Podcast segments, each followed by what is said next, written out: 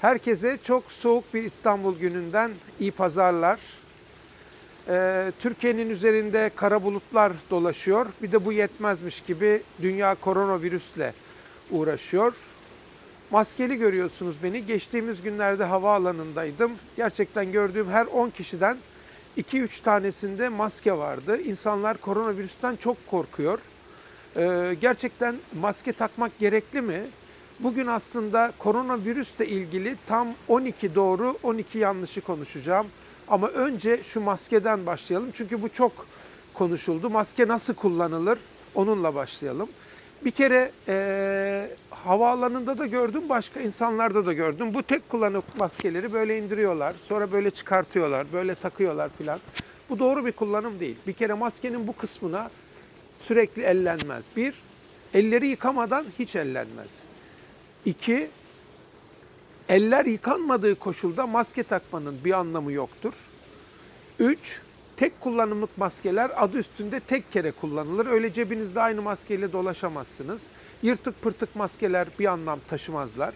Bir de maskeyi takarken böyle arkadaki lastiğinden takıp lastiğinden çıkarmalısınız. Asla böyle e, maskenin kendisine dokunmamanız gerekir.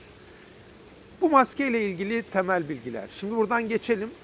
Size bugün koronavirüsle ilgili çok konuşulup yazıldı. Bu doğruları ve yanlışları doğru ayırmak gerekiyor. 12 doğru ve 12 yanlışı anlatacağım. Hadi başlayalım.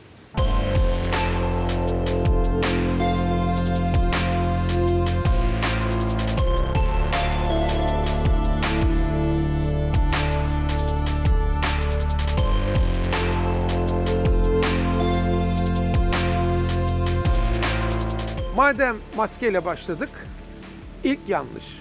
Maske takmalıyız. Doğrusu maske takmamız gerekmiyor.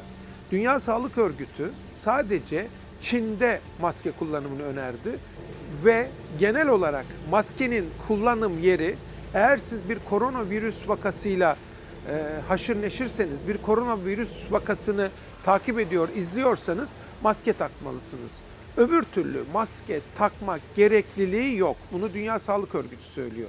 N95 maskesi, başka maskeler falan bu tartışmalar çok saçma. Yani hele Türkiye'de hiç koronavirüs vakası yok. Bu maskeleri takmamız çok doğru değil. Çıkartıyorum. İkinci yanlış. Koronavirüs mutlaka öldürür. Hayır, yanlış. Her e, koronavirüs hastası ölmüyor. Bu oran sanıldığı kadar yüksek değil. Oran yüzde iki. Yani yılda e, gripten ölen toplam insan sayısının 60'ta biri. Yani hani biz tartışıyoruz ya e, aşı yapalım mı yapmayalım işte o grip virüsü.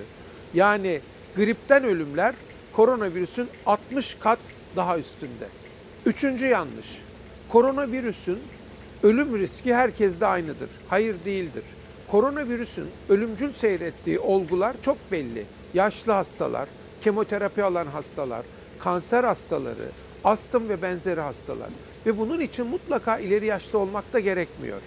Dördüncü büyük yanlış, koronavirüs için Çin'i suçlamak. Bu da çok saçma. Aslında biraz da ırkçı bir yaklaşım ve belki de koronavirüsle ilgili yapılan bütün e, spekülasyonlar, o komplo teorilerini falan da haklı çıkaran bir şey. Bu bir salgın ve Çin'den ortaya çıktı. Bunun için sarı ırkı bu salgından sorumlu tutmak, bununla ilgili sosyal medya paylaşımları falan yapmak da hiç doğru değil. Beşinci yanlış, medyada okuduğum her şey koronavirüsle ilgili doğrudur. Bu da Dünya Sağlık Örgütü'nün ısrarla altını çizdiği yanlışlardan birisi. O kadar çok yanlış şey yazılıyor ki ne olur anlatanın kim olduğuna, referansına, okuduğunuz makalenin kimin tarafından yazıldığına, izlediğiniz web sitesinin kaynağına, ne kadar güncel olduğuna dikkat edin. Altıncı büyük yanlış. Koronavirüsün bir tedavisi var. Bununla ilgili de çok fazla spekülasyon yapılıyor. Bu zamana kadar koronavirüse karşı geliştirilmiş herhangi bir ilaç yok. Yakın vadede de olmayacak.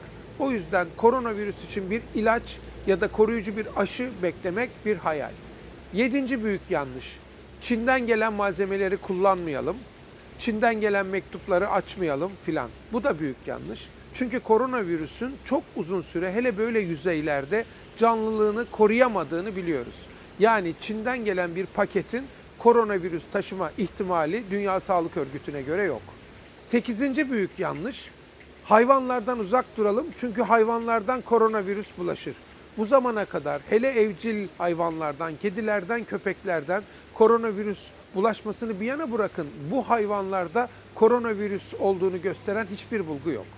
Dokuzuncu büyük yanlış, zatürre aşısının, grip aşısının ya da başka bazı aşıların e, koronavirüse karşı da koruyucu olduğu iddiası. Bu da tamamen yanlış. Dünya Sağlık Örgütü'ne göre bu aşıların hiçbiri koronavirüsten korumuyor. Dolayısıyla bu aşıları yapmış olmak size korunma anlamında bir avantaj sağlamıyor.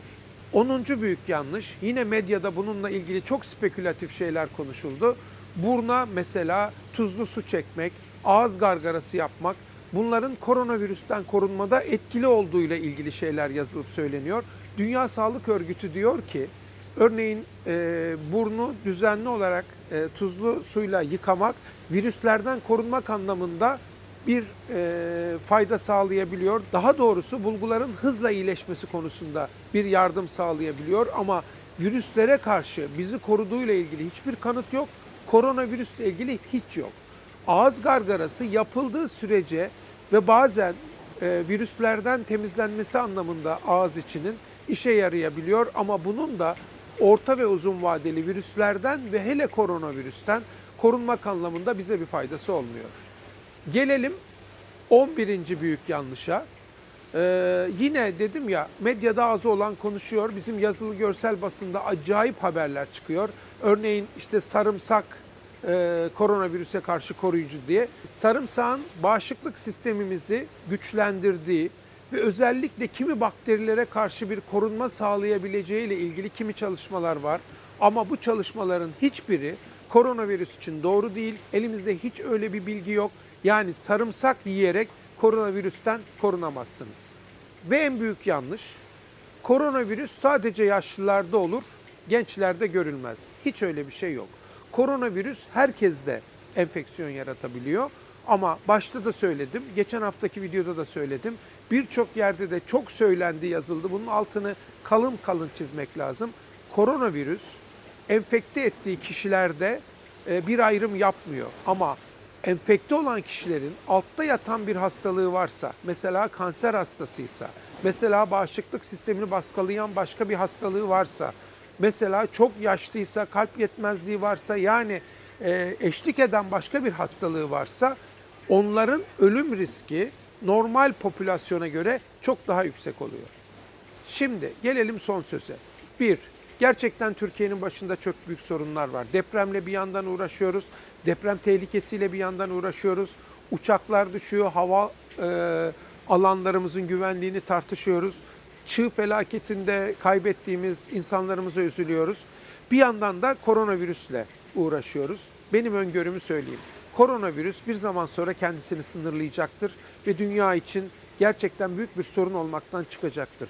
Bugün itibariyle hele Dünya Sağlık Örgütü olağanüstü hal ilan ettikten sonra tam 65 milyon dolar ilk aşamada aşı ve benzeri tedaviler için harcanıyor. Daha da önemlisi sağlık sistemi tam oturmamış, tam yerleşmemiş ülkelerde virüsün yayılmasını önlemek için e, bir takım e, programlar için kullanılıyor. Bunun için Dünya Sağlık Örgütü çok ciddi bir bütçe ayırdı ve ayırmaya da devam edecek. Biz e, Türkiye'nin kendi ülkemizin sorunlarıyla çok yakınımızda burnumuzun dibinde olan sorunlarla uğraşmalı ve onlara odaklanmalıyız. Şu anda Dünya Sağlık Örgütü'nün e, raporları ortada. Türkiye Sağlık Bakanlığı'nın e, bildirimleri ortada. Türkiye'de herhangi bir koronavirüs olgusu yoktur. Bizim önceliğimiz koronavirüs kesinlikle değildir. Birazcık bu konuda abartılı ve fazla spekülatif davrandığımızı düşünüyorum. Süreç içinde koronavirüsün hızla kendini sınırlayacağını da düşünüyorum. Hepinize iyi pazarlar diliyorum.